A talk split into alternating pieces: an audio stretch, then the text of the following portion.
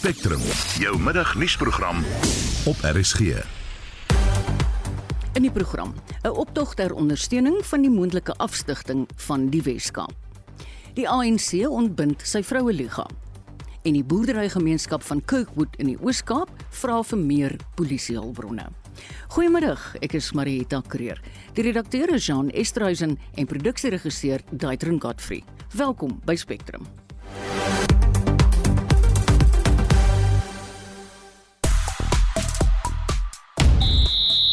Een punt sal genoeg wees vir Sundowns om 'n vyfde agtereenvolgende Premierliga titel te verower. Alle oë op Liverpool vanaand gefestig om te sien of hulle ook die Engeland vlag omhoog kan hou in die Kampioenligga. En Novak Djokovic sal na die drama van die Australiese Ope wel sy titel by Wimbledon kan verdedig. 'n Volledige sportbulletin volg net na 12:30. Freedom Day is die gewildste hitsmerk op Twitter, 'n plek waar politieke partye en burgerregte organisasies die stand van Suid-Afrika in heroënskou neem. Mense plaas kleurvolle foto's en deel oud-president Nelson Mandela se wyse woorde.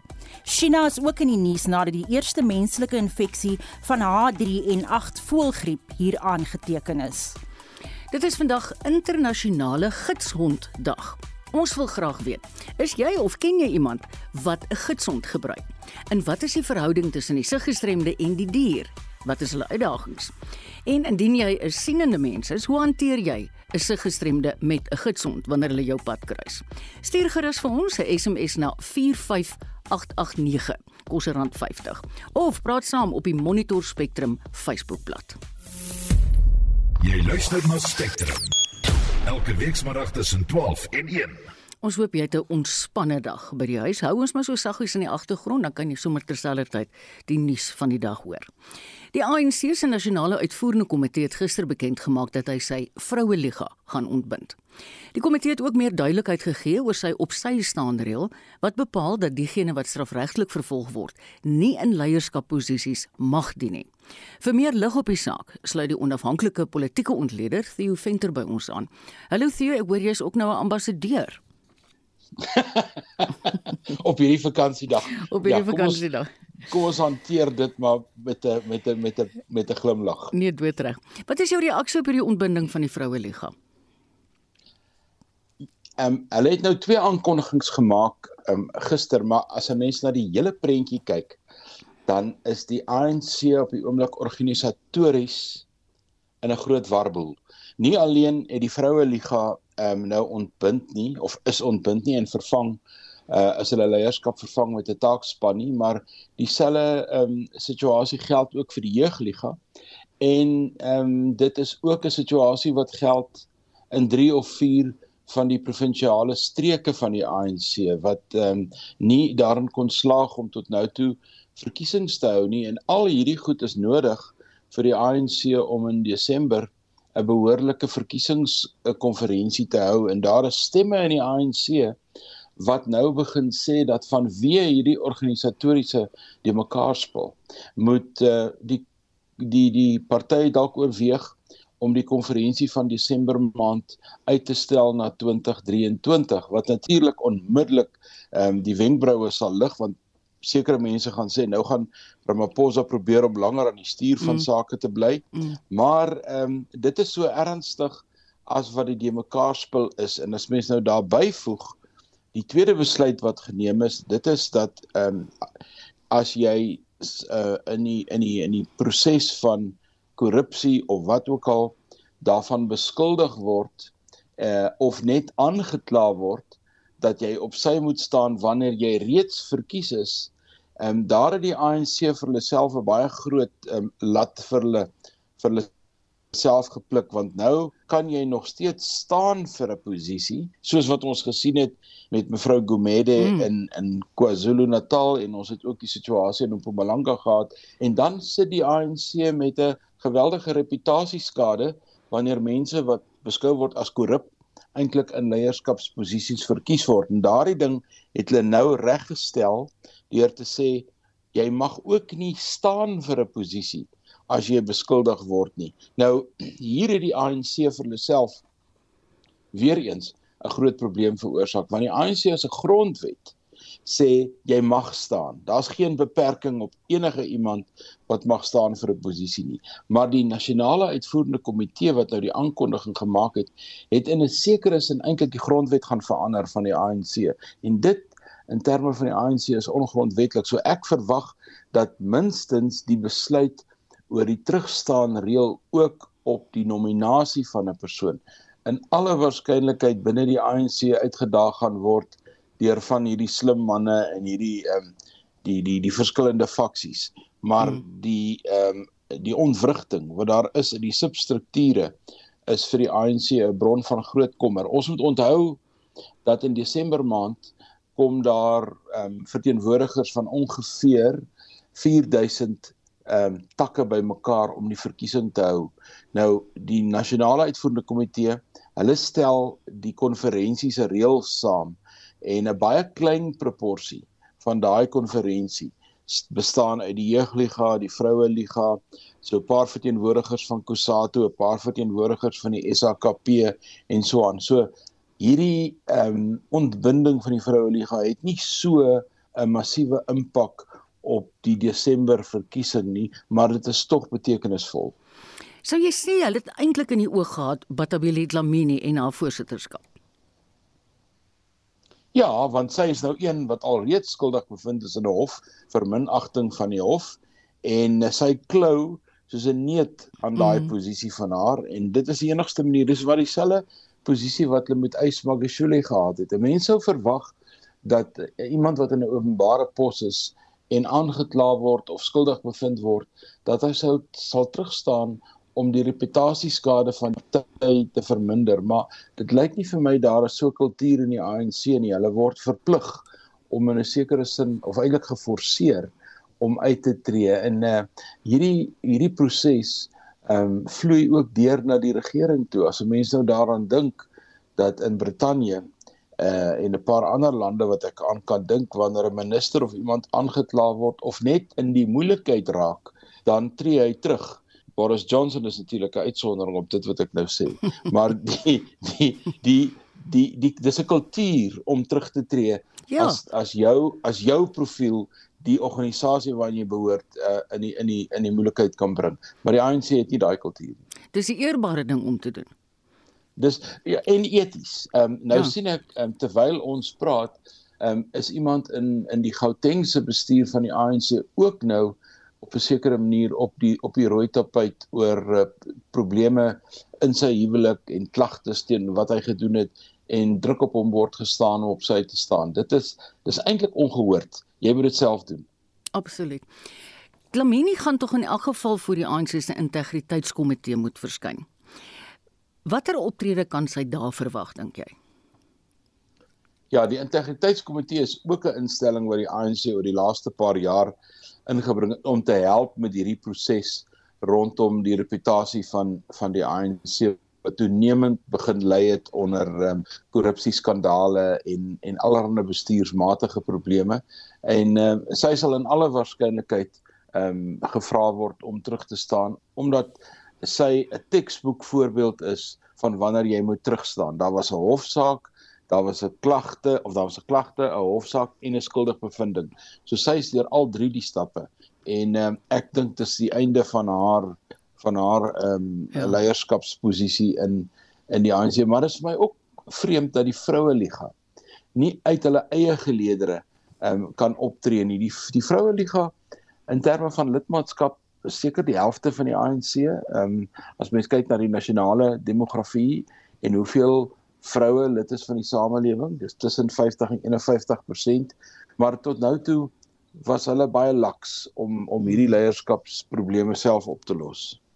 Jy het nou net nou verwys na die Desember se 55ste nasionale konferensie. Wil jy enigsins 'n voorspelling waag? Wel, ek dink teen alles wat ehm um, ek gesê het en met die met die probleme wat die ANC op die oomblik het, gaan hulle tog deurdruk om daai konferensie te hou want ek dink die die die die dilemma om om die konferensie of laat ek eers so sê, om die konferensie uit te stel na volgende jaar toe mag vir die ANC verskriklik baie voordele inhou. Want dan maak hulle die gaping tussen die verkiesing van 'n leier van die ANC en die verkiesing van 'n president van die land kleiner. Op die oomblik is daai gaping omtrent 18 maande en Thabo Mbeki het in daai lokval geval sowel as uh, Jacob Zuma. Hulle is albei uit hulle poste onthef. As jy daai gaping kleiner maak deur byvoorbeeld die konferensie uit te stel na Desember 2023, dan is daai gaping net 4 of 5 maande. Dis so baie Hmm. meer hanteerbare gaping en dis wat die meeste ander politieke partye ook doen deur hulle konferensies te hou naby aan die verwagte verkiesingsdatum. So daar's die voordeel. Die nadeel mm. is die vlak van faksionalisme in die ANC, die die beweringe wat gemaak gaan word en die um innuendos en alles wat daarmee saamgaan en ek dink nie um Ramaphosa sien kans daarvoor nie. Baie dankie Tieu. Geniet die res van jou Vryheidsdag. Dit was Tieu Venter as 'n onafhanklike politieke ontleder, al bekende hierso by ons. Nou vir heeltemal 'n ander storie. Die Vryheidsfront Plus gooi hulle gewig agter die voorspraakgroep Kaapse Onafhanklikheid. Die party hou vandag 'n optog in Kaapstad ter ondersteuning van die afstigting van die Wes-Kaap. En ons praat nou hieroor met die VF+ se hoofsweep in die parlement, Dr. Corneil Mulder. Hallo Corneil. Hallo Marita, goed en jy? Nee, nee, goed. Is jy nog besig om te stap? Ons is aan die stap. Ons is nog aan die stap. Dit is heel opwindend geweest hier vandag in die agtergrond met dromme en die lawaai hoor. Ja, ek hoor dit. Maar dit is nog heeltemal lekker dan. Hoekom het julle ouens betrokke geraak by die Kaapse onafhanklikheid? Wel, dit is 'n groot werklikheid hier in die Wes-Kaap spesifiek. Dit is 'n werklikheid wat niemand kan ignoreer nie.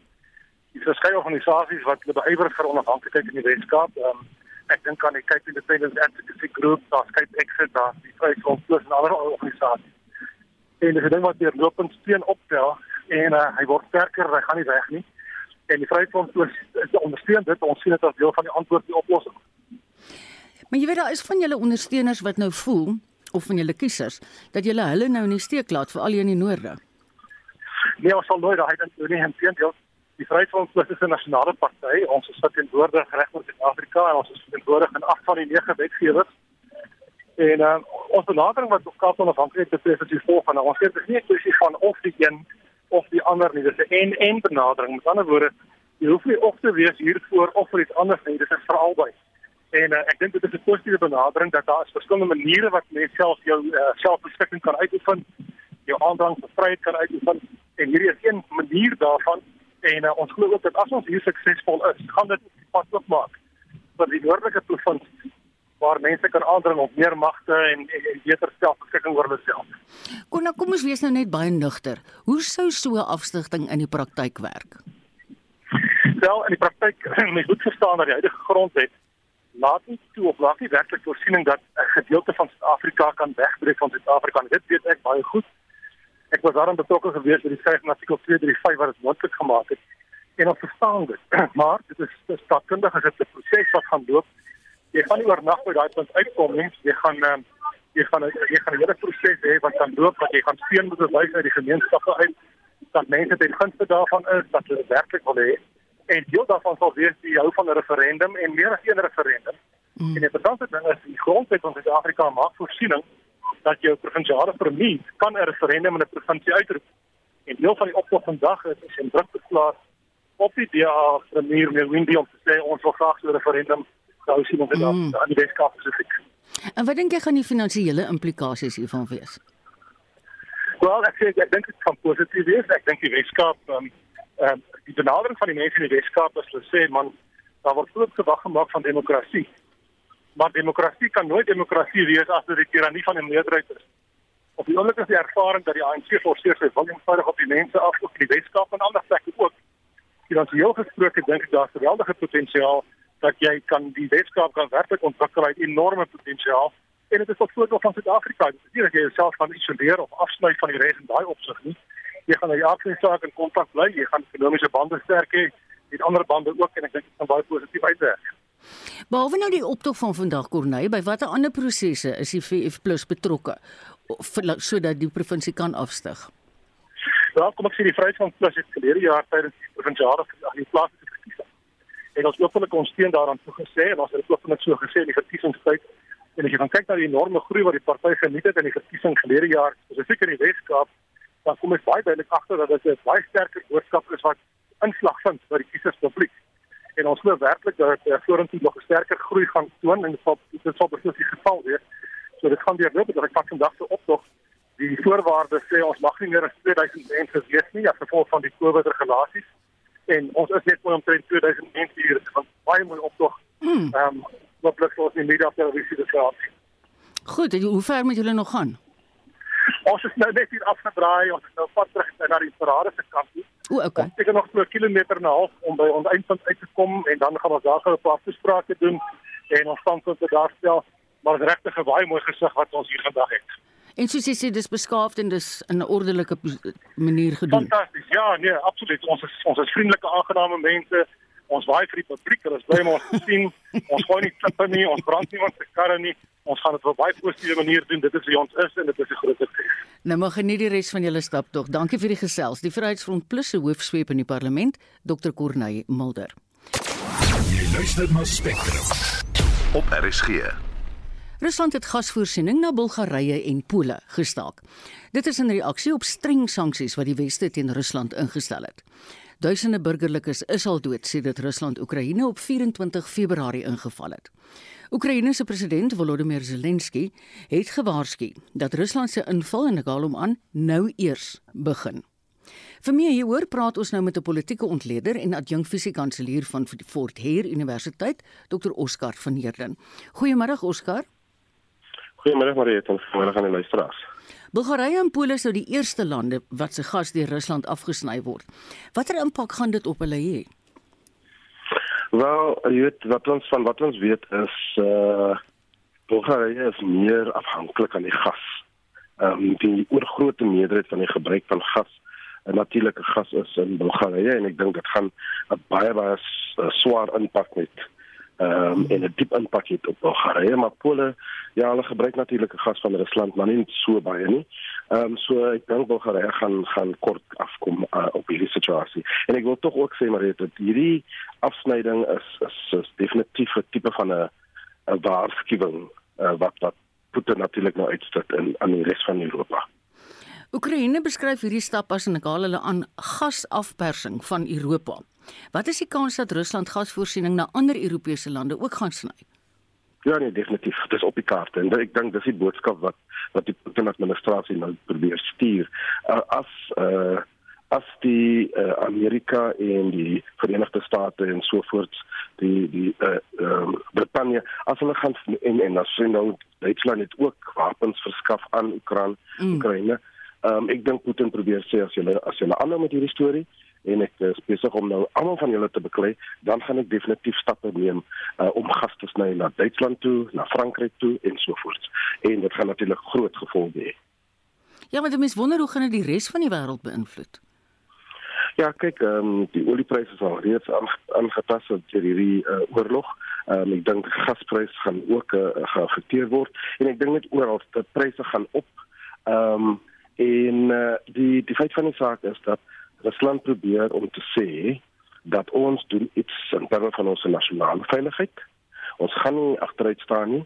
Ons gaan nie toelaat dat Oekraïne 'n lid raak van van uh, NATO nie en so die, vir hierdie redes gaan ons aandring tot en met mense na die tafel te kom. Oskar het net nou verwys na die feit dat Duitsland nou uiteindelik 'n besending wapens aan Oekraïne gelewer het. Wat het hulle voorheen teruggehou? Wel, ek dink hulle was bekommerd. Kyk, uh, die feit van die saak is Duitsland is uh, is hang is afhangende van natuurlike gas wat van Rusland afkom.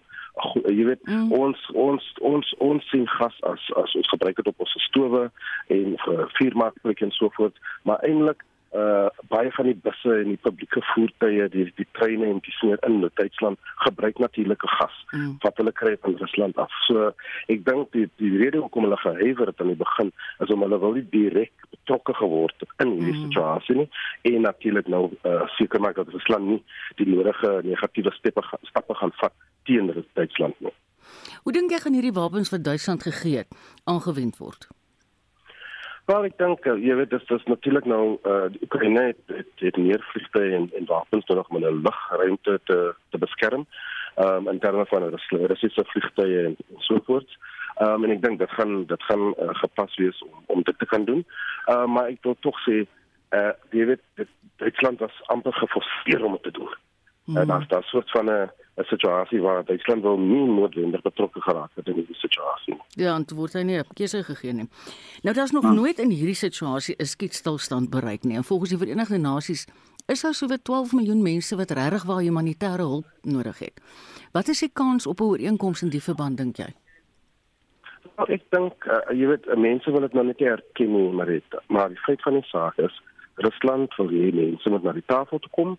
Oekraïne se regering, natuurlik ander spelers sit by die tafel en al wat Rusland wil hê is om te besluit dat sê Oekraïne gaan 'n neutrale sone wees.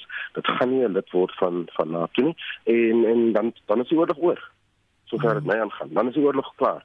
Maar die feit van die saak is ons sien nou dis nie wat die die spelers wil doen nie. Oekraïne en uh die die die mense wat vir uh uh so ondersteun. Uh ek weet nie hulle hulle is hulle wil net die einde aan die oorlog. Ja, 'n baie baie sensitiewe en ek bedoel amper sê op 'n mespunt gebalanseerde situasie want soos jy sê, ek het ook die ander gekry Duitsland wil nie betrokke raak nie. Nou kon hulle nie anders nie. Ja, nee presies.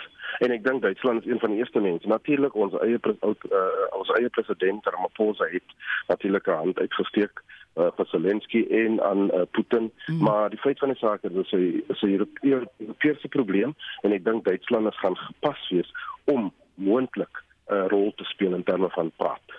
Ja, jy weet jy sê nou dis 'n Europese probleem, maar ek meen die oomblik toe daai land inval, toe styg daai Brent-olie, ek meen en ons voel dit. Ja nee, nee ons voel dit. En hoe gouer hierdie situasie tot op 'n einde kan kom, hoe hmm. beter is dit vir hele wêreld. Oscar baie dankie dat jy in die vakansiedag jou tyd vir ons opgeoffer het. Dit was dokter Oscar van Heerden, 'n politieke ontleder en adjunk fisiekanselier van die Fort Hare Universiteit. Jy luister na Spectrum. Op RSG. Nog in die program vandag, Agri Oos-Kaap sê die boerderygemeenskap van Kirkwood is onder beleg en hulle vra vir meer polisiehulpbronne. En 'n onafhanklike bestuurskomitee gaan die geskiktheid van kandidaate vir die nuwe leierskap van die Suid-Afrikaanse Sokkervereniging ondersoek. Ons nooi jou bly gerus ingeskakel. Daar is geen verkeer. Goeiemiddag, ek is Annelien Moses met jou verkeersnuus. Ons begin in KwaZulu-Natal. In Durban op die N2 Noord was daar 'n botsing naby die M4 Suidelike Hoofweg en dit lei tot druk verkeer. Daar staan 'n voertuig op die N3 Wes na die Ashburton wisselaar en die linkerbaan is versper. In Kaapstad staan daar 'n voertuig in die noodbaan op die N2 stad in na die R300. En dit was jou verkeersnuus vanmiddag hier op Spectrum. Ons het vroeër vandag vir die luisteraars gevra: Is jy dalk of ken jy iemand wat 'n gidsond gebruik? En wat is die verhouding tussen die siggestremde en die dier? En as jy 'n siende mens is, hoe hanteer jy die situasie as jy 'n gidsond saam met sy eienaar raakloop? Toe skryf Louis Bester vir ons met respek. Elsa van Staden sê, ek hanteer gestremdes en hulle gidsonde met baie respek en deernis. Jopie maak 'n geldige punt, Jopie Henning van Vryheid. Die sê, ja, dis Vryheidsdag vandag. In sig gestremde mense met hulle gidsonde behoort deur Suid-Afrika se wetgewing meer in restaurante, supermarkte en waar ook al toegelaat te word. Daar's duidelik 'n baie naby verhouding tussen die twee en dis eintlik om die waarheid te sê 'n unieke verhouding tussen twee individue wat opvallend is. Ja, weet jy, ek moet nogal sê, veral in Frankryk het ek dit al gesien, maar in ander Europese lande ook. Hulle maak letterlik die die lewe ontsaglik maklik vir die gestremde en die hond. En mense moet asseblief nie sê Joop, die gidsonde streel of hulle aandag aftrek want hulle is in 'n bepaalde dissipline en hulle moet daar bly. 'n Persoon wat haarself as 'n gestremde se moeder beskryf, SMS vir ons. My dogter het haar tweede gidsond. Hulle is getroue diere. Maar die publiek is maar erg. Hulle moet geleer word om nie die hond sommer net te vryf sonder om die blinde persoon te vra nie en moet nooit die hond voer nie. Hy kry genoeg kos. Winkelsentrum se veiligheidsmanne is ook baie oningelig oor hierdie spesifieke honde. Gun asseblief die gestremdes hulle honde want dis hulle oë en hulle is baie waardevol vir hulle. Dis so waar wat jy hier sê. Dankie vir julle almal se terugvoer op al ons sosiale media platforms.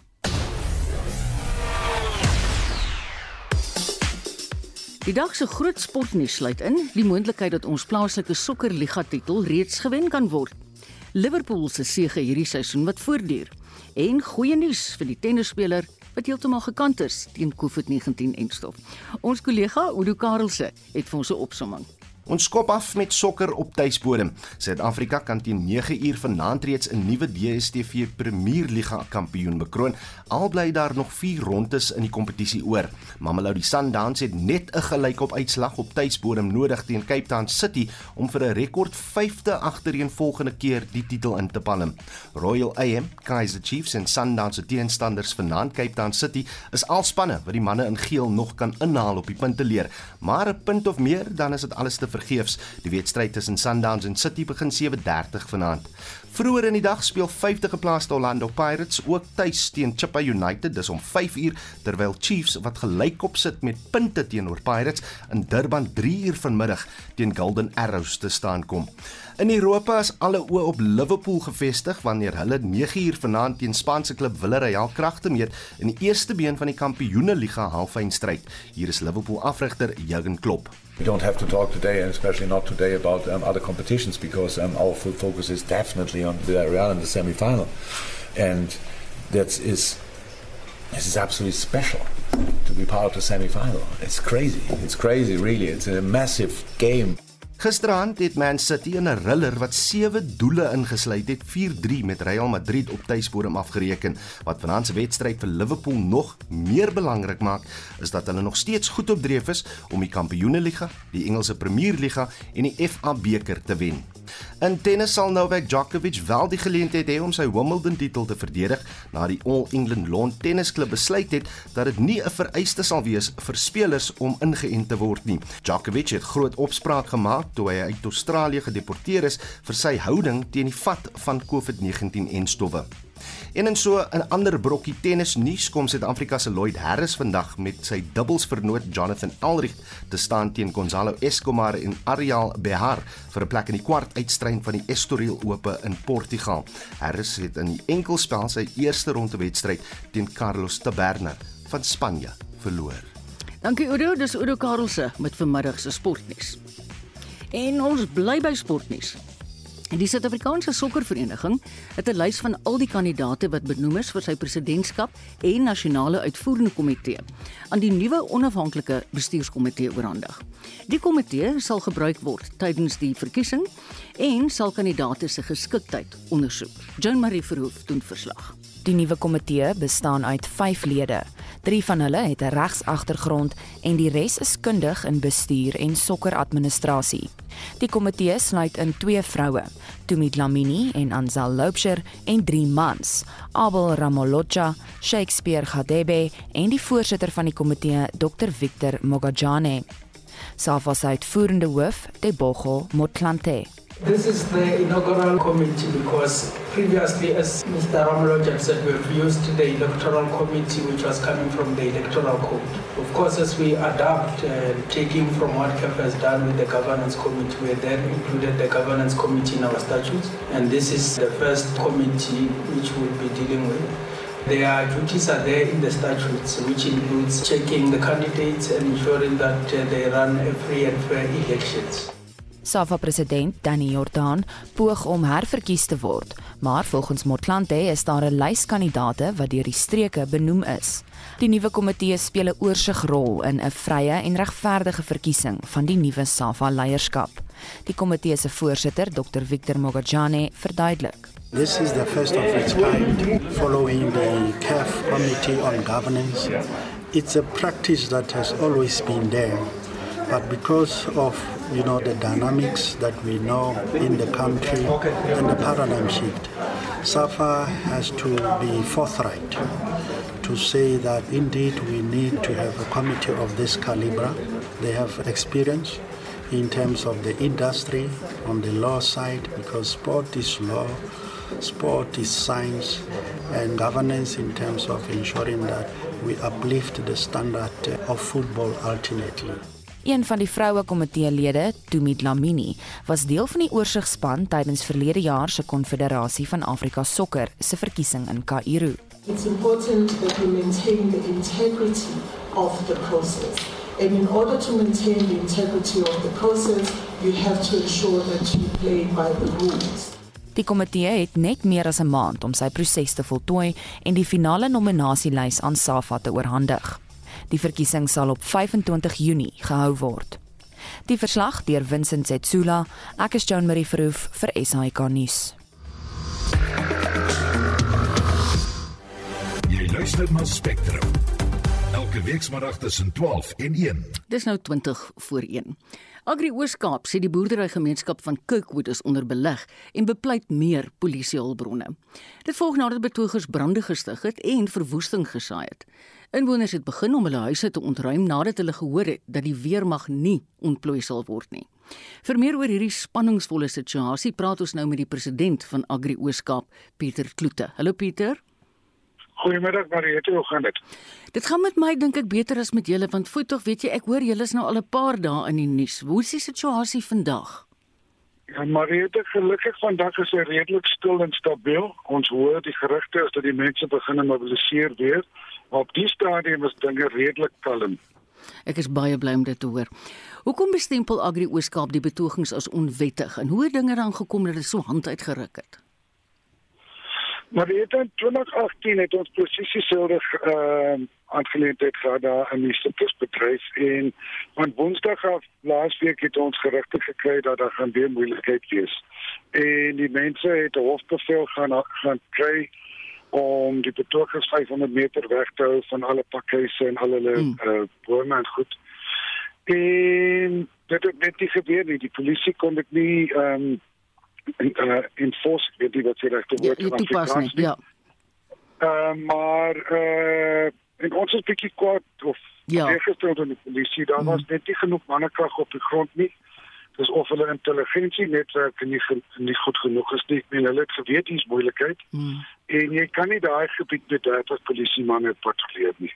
Pieter hoe groot sal jy sê is die skade wat al aangerig is aan die boerderygemeenskap Gerugte wat ons gekry die eerste dag was dat ten minste 50 miljoen rand se skade aangerig. En tot sover toe skat ons hy na 'n loop na na nader aan 70 miljoen rand. Oh, wat is die werkers se eise? Hulle soek 30 rand per uur. Ehm um, en en en en dit ons kan dit nie verstaan nie. Die minimumloon is vasgestel deur die regering en die departement arbeid. 23 rand 20 sent of 16 sent of iets. En nou met die besige tyd van die jaar kom hulle met hierdie moeilikheid en uh dit is 40000 mense wat wat werk kry daarso. En ehm uh, as hierdie bedryf tot niet gaan, ek weet nie wat die ooskap gaan doen nie. Dit moet een van die grootste vorms van mm. buitelandse ehm uh, valuta uh, geld mm. de, de liter ja. En uh Ek weet nie die mense op die grond begrip het vir dit. Jy weet as as daai bedryf weg is, is dit 40000 mense wat nie werk het nie. Ja, ek moet sê daai hele Gamtoos vallei, ek meen Patensie, Kirkwood, julle almal, dit is so 'n groot sentrum vir en nie wat die uitvoer sitrus. So jy weet dit is dis 'n geweldige impak as daai bedryf moet toemaak. En ek kan nie verstaan dat hulle spesifiek nou dat julle plukseisoen en julle uitvoerseisoen begin nou in opstand kom nie. Maar soos jy sê dit het nou al van tevore gebeur. Is daar gesprekke sodat hierdie gewelddadige optrede kan beëindig word? Daar is gesprekke, die boere kan net nie eenvoudig bekoste om meer te betaal. Jy weet met die wêreld, met die oorlog wat in die noorde aangaan, is die uitvoermark te uh, kwai um, af.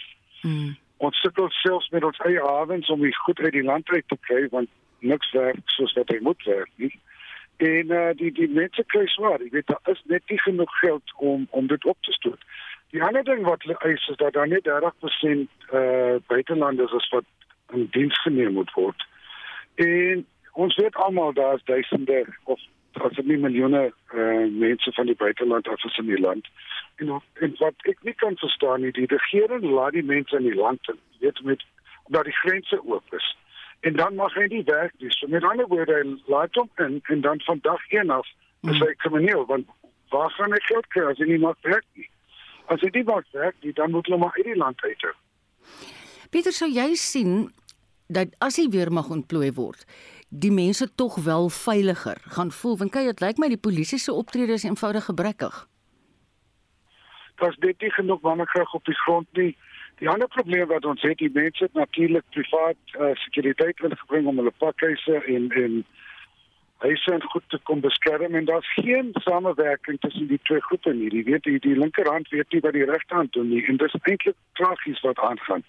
Hierdie ding moes al Woensdag moes Popsdag gewees het. Daar moes 4500 mense daar gewees het om te sorg dat dit nie gebeur het. Mm. Weet as jy eers 60 of 70 miljoen rand se skade uh gelei het, hoe gaan jou hoe gaan jou besigheid ooit weer regkom en nou volgende jaar gaan hulle nog weer geld uh wil hê. Dit maak net nie sin nie. Ek kan hoor jy is baie moedeloos en ek verstaan ten volle. Ek hoop werklik waar jy kan daai probleem uitsorteer. Baie dankie vir jou tyd Pieter. Dis Pieter Kloete van Agri Ooskaap. President Cyril Ramaphosa lewer die Vryheidsdag toespraak by die Kees Taljaard Stadion in Middelburg in Mpumalanga. Vanjaar word daar gefokus op die vordering in Suid-Afrika se demokratiese bestel. Vir meer hieroor praat ons nou met 'n politieke ontleder aan die Universiteit van Pretoria, Roland Henwood. Hallo Roland. Goeiemôre Marita. Ek hoop jou Vryheidsdag verloop glad. So ver geen klagtes nie, dankie. Dis nou 28 jaar van demokrasie. En daar is tog sekerlik iets waarop ons kan trots wees, al heers daar steeds ongelykheid. Wat sien jy as van die goeie verwikkelinge sedert 94?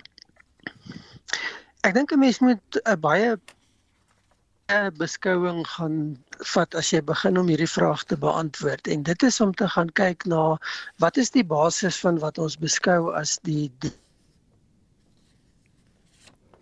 Hallo die doelwit van konsolidering van demokrasie. Goed. En dan is 28 Hallo? Nee, jy was net vir 'n oomblik weg, maar ons hoor jou nou weer. Dan is 28 jaar Ek ek dink as ons so breër beskouing het, dan is 28 jaar eintlik niks. Ehm um, as ons gaan kyk na die gevestigde demokrasieë van die wêreld, dan kyk ons na 'n geskiedenis van honderde jare. Ons kyk nie na 'n geskiedenis van 28 jaar nie. En ek dink dit is een van die kritiese elemente wat 'n mens in gedagte moet bring dat ons het so 'n kort tyd vir te doen het en probeer om die hele idee van 'n konstitusionele demokrasie ten volle te vestig en te bedryf dat die verwagtinge waarskynlik heeltemal onrealisties is. En ek dink dit is die eerste aspek wat 'n mens na moet kyk. Dit gegeewe is daar baie bereik in Suid-Afrika. Die die beëindiging van die stelsel van onderdrukking, die die uitbuiting van mense, die geweld wat daarmee gepaard gegaan het veral teen die einde van die vorige era in Suid-Afrika. Dit is al probleme. Daar is nog groot probleme met misdaad, met armoede, met ongelykheid, met werkloosheid.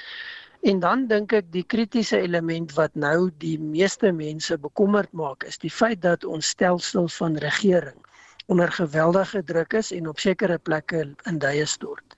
En en dit is 'n groot uitdaging want dit as die wese van die idee van demokrasie aan en die volhoubaarheid van demokrasie.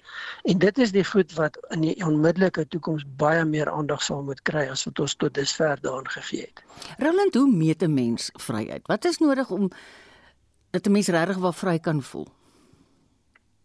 Ek dink as twee dimensies. Die een is 'n meer objektiewe konteks waar jy gaan kyk na die vryheid wat mense het. Jy kan gaan stem, jy kan jou opinie lig, jy kan beweeg waar jy wil, jy kan doen wat jy wil binne baie breë perke. En in daai konteks is Suid-Afrika werklik 'n vry land met 'n vry burgery wat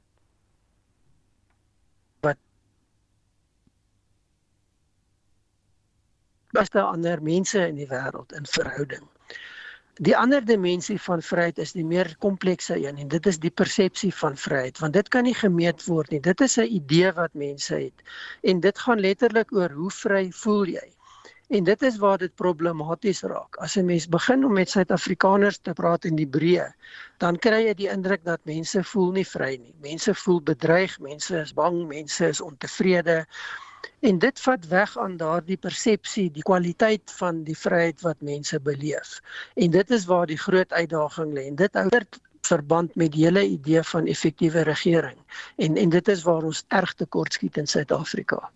Roland, dankie dat jy 'n gedeelte van jou Vryheidsdag met ons spandeer. Dit is Roland Henwood, 'n politieke ontleder aan die Universiteit van Pretoria.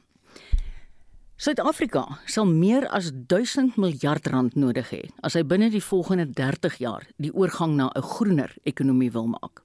Die presidensiële klimaatskommissie het gister met die finansiële sektor by die Johannesburgse aandelebeurs vergader.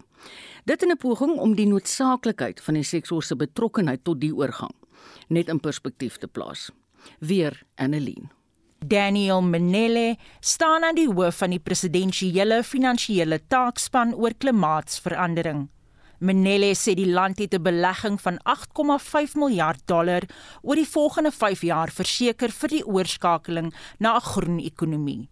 Die befondsing kom van verskeie Europese lande, internasionale belanghebbendes, asook sakeondernemings. Hy sê sy departement werk saam met hierdie vennote om te verseker dat daar aan die land se finansiële behoeftes voldoen word. Of course the initial 8.5 billion dollars is relatively small. This amount will need to deploy it in such a way that it can crowd in further investment, especially from the private sector. And constructing a precise investment pathway for South Africa's just energy transition will go a long way towards promoting ongoing investments.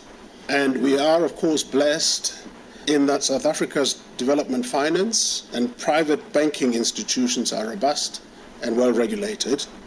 There's great potential for these channels of finance to be partners in the transition process to complement international climate finance flows. Die presidensiële klimaatskommissie het sy raamwerk wat fokus op hoe ekonomiese bedrywighede aangepas moet word, bekend gemaak.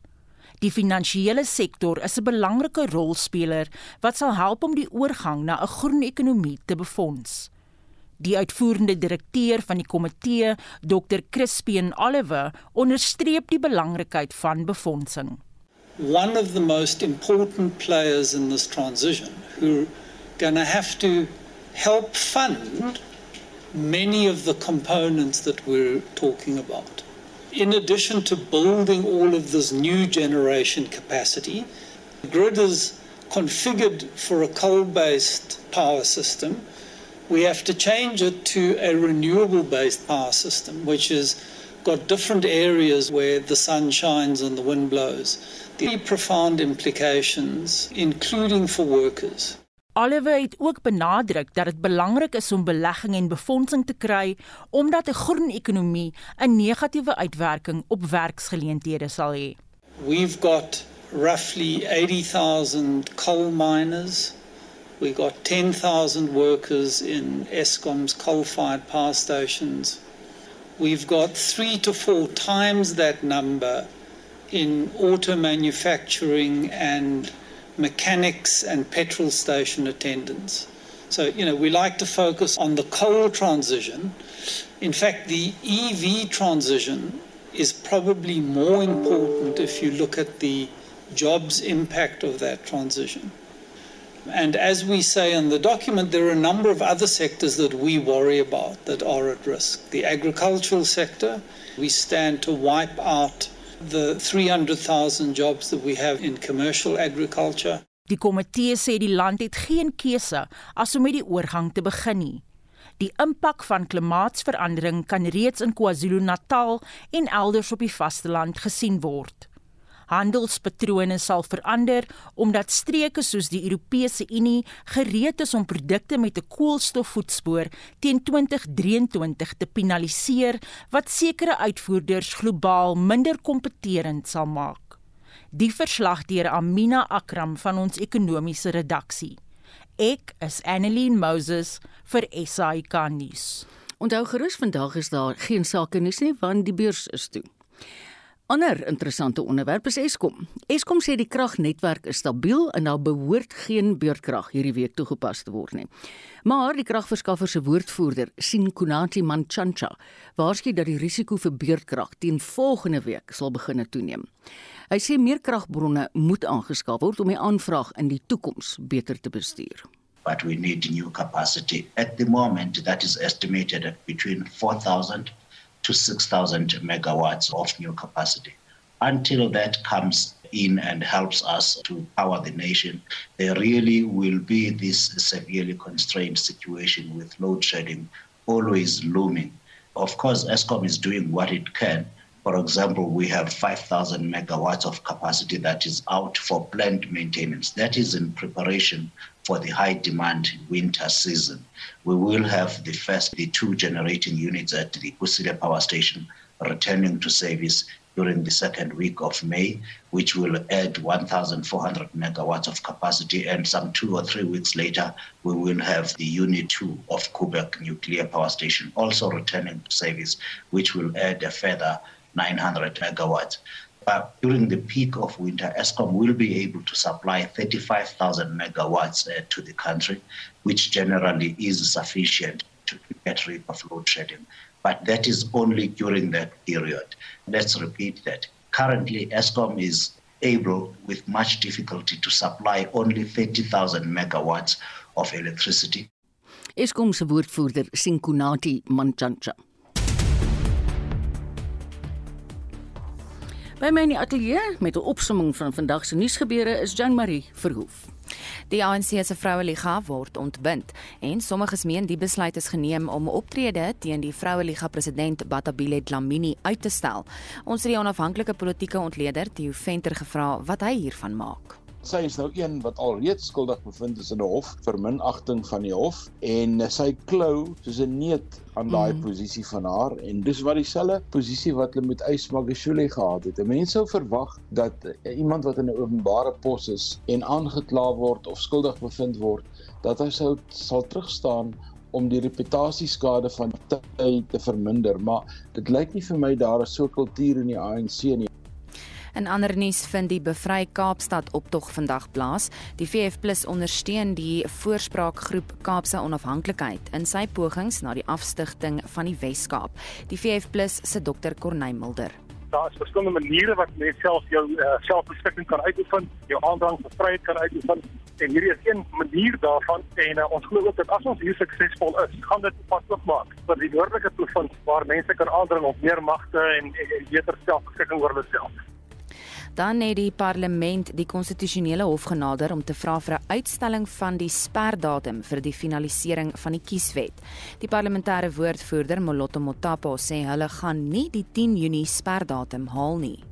The bill was only introduced to the National Assembly on the 10th of January this year, leaving Parliament with only five months to process a bill of such public significance and interest. Accordingly, the presiding officers of Parliament have approached the Apex Court to seek an extension in order to enable Parliament to properly deliberate on the bill before it and to ensure that citizens across the country are afforded an opportunity to meaningfully participate en mure vol gate en op die sand slaap is iets van die verlede.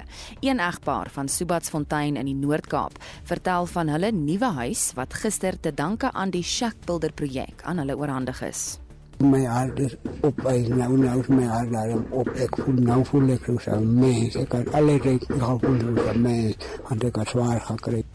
Dit en nog veel meer in Brandpunt vanaand om kwart voor 6. Weet jy Jan Marie, ek het gistermiddag juist toe ek Brandpunt luister op pad huis toe, gehoor van hierdie wonderlike idee wat hulle gekry het om vir die Shackboulder in te kry. Nou ja, luister vanaand nou dan hoor julle nou 'n bietjie wat sê die mense wat gister die huise ontvang het. En jy kan hoor terwyl hy oom praat, hulle klap in die agtergrond. Hulle baie gelukkig. baie dankie, dit was Jan Marie met 'n nuusopsomming. En daai kenwyse beteken net een ding. Ons mag nou doen wat die luisteraars doen. Ons mag nou ontspan. Onthou gerus as jy enige uitsending van Spectrum na opsoek is, hy's beskikbaar op RSG se webblad as 'n potgooi rsg.co.za. En so Joni nou gesê het, onthou gerus brandpunt vanmiddag kwart voor 6. Jy kry 'n opsomming van al die hoogtepunte in die nuus van die dag. Ek groet namens ons uitvoerende regisseur Nicoline de Wem, vandag se redakteur Jean Esterhuizen, die produksieregisseur Daitron Godfrey, al ons medewerkers. Ek groet tot so 3 uur vanmiddag. Maar bly gerus ingeskakel op RSG.